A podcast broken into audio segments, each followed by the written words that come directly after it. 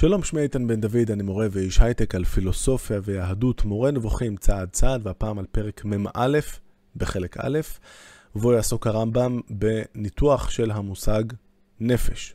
אה, נזכיר שזה הפרק האמצעי בחטיבה של שלושה פרקים שעוסקים במושגים שקשורים בחיים. הפרק הקודם עסק ברוח, כאן נעסוק בנפש, ובפרק הבא נעסוק בחי או חיים. נפש הוא שם משותף. הוא שם הנפש החייתית המשותפת לכל חש, והציטוט כרגיל, אשר בו נפש חיה. היוונים ובעקבותיו, ובעקבותיהם הרמב"ם רואים את ההבדל בין צמחים לבין בעלי חיים בזה שלבעלי חיים יש נפש שמאפשרת להם לחוש ומאפשרת להם לנוע, שני דברים שלכאורה אין לצמחים, צריך להתעלם פה לפחות מעניין של צמחים מטפסים וכאלה, שזה עניין יותר לכאורה מכני ופחות נובע מהחלטה רצונית, נקרא לזה ככה, של לברוח ממשהו או להתקדם כלפי משהו מועיל. הוא גם שם לדם, לא תאכל הנפש עם הבשר. כן הוא שם הנפש המדברת, דהיינו צורת האדם. חי אדוני אשר עשה לנו את הנפש הזאת. זה ציטוט מירמיה. כשהיוונים מדברים על, ה, או אריסטו מדברים על ההבדל בין בני האדם לשאר בעלי החיים, ההבדל הוא שלבני האדם יש את היכולת לחשוב, להפעיל את הפונקציות המתקדמות יותר של השכל, של החשיבה, והמונח המפתח הוא לוגוס, ולוגוס זה ביוונית בעצם גם עניין של שכל ומחשבה, וגם עניין של דיבור, הרחבתי על זה כשדיברתי על הרקליטוס, אפשר למצוא את הלינק כאן או בתיאור. ובעצם כשהמפרשים הערבים ניסו לתרגם את המושג הזה, הם דיברו על הנפש המדברת, ומשם הרמב"ם ושאר הפילוסופיה העברית של ימי הביניים שאהבה את המושג הזה. הוא גם שם הדבר הנשאר מן האדם אחרי המוות, והייתה נפש אדונית צרורה בצרור החיים, זה הציטוט של אביגיל, שאומרת לדוד, ש...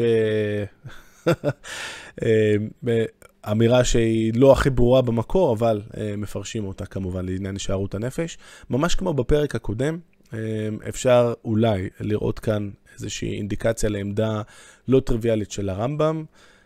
כי אם במקור היינו שמחים שישארות הנפש, אולי היינו שמחים שישארות הנפש הייתה של כל הנפש שלנו, שפשוט כל הדבר הזה שבגללו, כל התודעה שלנו, נקרא לזה ככה, אם מות הגוף תמשיך לחיות, כאן אומר הרמב"ם, רגע, כאילו, מזה שהוא אומר, וכן, זאת אומרת, הוא גם שם הדבר הנשאר מן האדם אחרי המוות, משתמע, אולי, שזה לא בדיוק אותו דבר שדיברנו עליו קודם, שזה שם הנפש המדברת, זאת אומרת, הפונקציה השכלית של האדם. אולי זה משהו נפרד. וגם בפרק הקודם הפניתי לסרטון אחר שלי, אפשר, אפשר לראות שם. כן, נפש הוא שם לרצון, לאסור שריו בנפשו, דהיינו ברצונו, זה ציטוט ממזמור בתהילים ק"ה, שיש בו כמה פסוקים שמדברים על יוסף. וכמוהו ואל תתנהו בנפש אויביו, כלומר אל תמסרנו לרצונם. וכמוהו, לדעתי, אם יש את נפשכם לקבור את מתי, זה בבראשית, כלומר, אם זה בכוונתכם וברצונכם. וכמותו, ציטוט מירמיהו באחד מתקפי העצבים של אלוהים, אם יעמוד משה ושמואל לפניי, אין נפשי אל העם הזה. זאת אומרת, זה, זה לא רק בגללך, ירמיהו, שאם אתה היית קצת יותר מוצלח, אז הייתי קצת יותר נחמד כרגע, גם משה ושמואל כאן, לא היו מצילים את המצב. כלומר, פירושו, איני רוצה בהם, בבני ישראל, כלומר, איני רוצה שישרדו. כל אזכור של נפש הבאה ביחס לאלוהים מתעלה היא במשמעות הרצון, כפי שכבר ציינו לגבי דבריו, כאשר בלבבי ובנפשי יעשה. וזה ציטוט שדנו בו בפרק הקודם כשדיברנו על לב, שפירושו ברצוני ובכוונתי.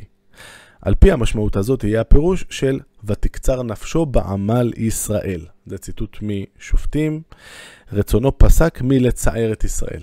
מכיוון שהרמב"ם יעמיק בניתוח של הפסוק הזה עוד רגע, בואו נקרא את המקור, כי לא בטוח שכולנו זוכרים. אז זה כשבני עמון באים להילחם נגדנו, וגם בני הגלעד, אז יש לנו אמירה כזאת של אלוהים. ואומר אדוני אל בני ישראל, הלא ממצרים ומן האמורי, מן בני עמון ומן פלישתים וצידונים ועמלק ומעון לחצו אתכם. ותצעקו אליי ואושיע אתכם מידם, זה מה שהיה פעם. ואתם עזבתם אותי ותעבדו אלוהים אחרים, לכן לא אוסיף להושיע אתכם.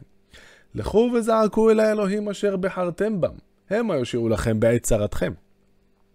ואמרו בני ישראל אל אדוני חטאנו, עשה אתה לנו ככל הטוב בעיניך, אך הצילנו נא היום הזה. ויסירו את אלוהי הנכר מקרבם, ויעבדו את אדוני, ותקצר נפשו בעמל ישראל.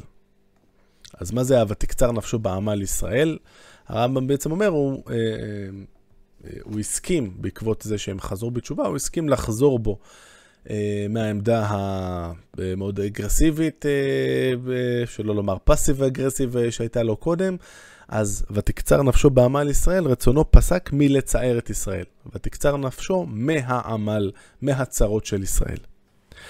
את הפסוק הזה לא תרגם יונתן בן עוזיאל כלל. ראינו כבר שיונתן בן עוזיאל, הרמב"ם מסתמך או מהלל לא אחת את הגישה שלו בתרגום שלו של המקרא לארמית, כי יונתן בן עוזיאל מאוד מקפיד לתרגם את הדברים בצורה שמרחיקה עד כמה שניתן את ההגשמה, את התפיסה של למשל שיש לאלוהים גוף.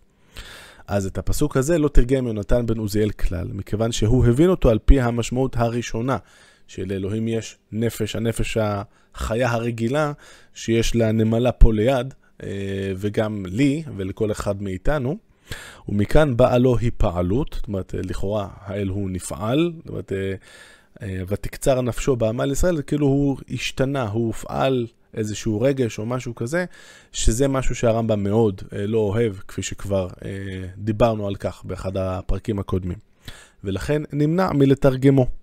זאת אומרת, בתרגום שלו, ותקצר נפשו בעמל ישראל, ותקצר נפשו הזה מופיע פשוט בעברית, בתוך, ה, בתוך גוף התרגום הארמי. אבל כאשר מבינים אותו, את המושג נפש במשמעות האחרונה הזאת של הרצון, יהיה הפירוש ברור מאוד, שכן נאמר קודם לכן שהשגחתו יתעלה שרה מהם עד שעבדו, באלף. הם זעקו לעזרה ולא עזרם, אך כאשר הפליגו בתשובה, ורבה שפלותם, והאויב גבר עליהם, ריחם עליהם, ורצונו, וזה המשמעות של נפשו כאן לפי הרמב"ם, פסק מלהמשיך את צערם ושפלותם. דע זאת אפוא כי מופלא הוא. הבט בדבריו בא עמל ישראל, מה זה ותקצר נפשו בא עמל ישראל, תהיה במקום מין, כאילו אמר מין עמל ישראל, זאת אומרת אה, אה, נמאס לו מהעמל של ישראל, מהצרות שלהם. המילונאים מנו דוגמאות רבות לכך, כמו והנותר בבשר ובלחם, או נשאר בשנים, או בגר ובאזרח הארץ, וזה תדיר. עד כאן הפרק הזה, אז אם לסכם, ניתחנו את המשמעות של המושג נפש, הרמב"ם טוען שבכל מקום שהמושג אה, נפש מוסב על אלוהים, הכוונה היא לרצון, לא לנפש כמו הנפש שיש לנו. על הדרך ראינו אולי רמז שנותן לנו הרמב"ם לגבי הישארות הנפש. אה, כאמור, אחד הנושאים היותר אה, מעורפלים במורה נבוכים. נזכיר שבתיאור אפשר למצוא סרטון שלי שמדבר על אחת הפצצות שלדעתי הרמב"ם מטמין במורה נבוכים בהקשר הזה. עד כאן להפעם, להתראות.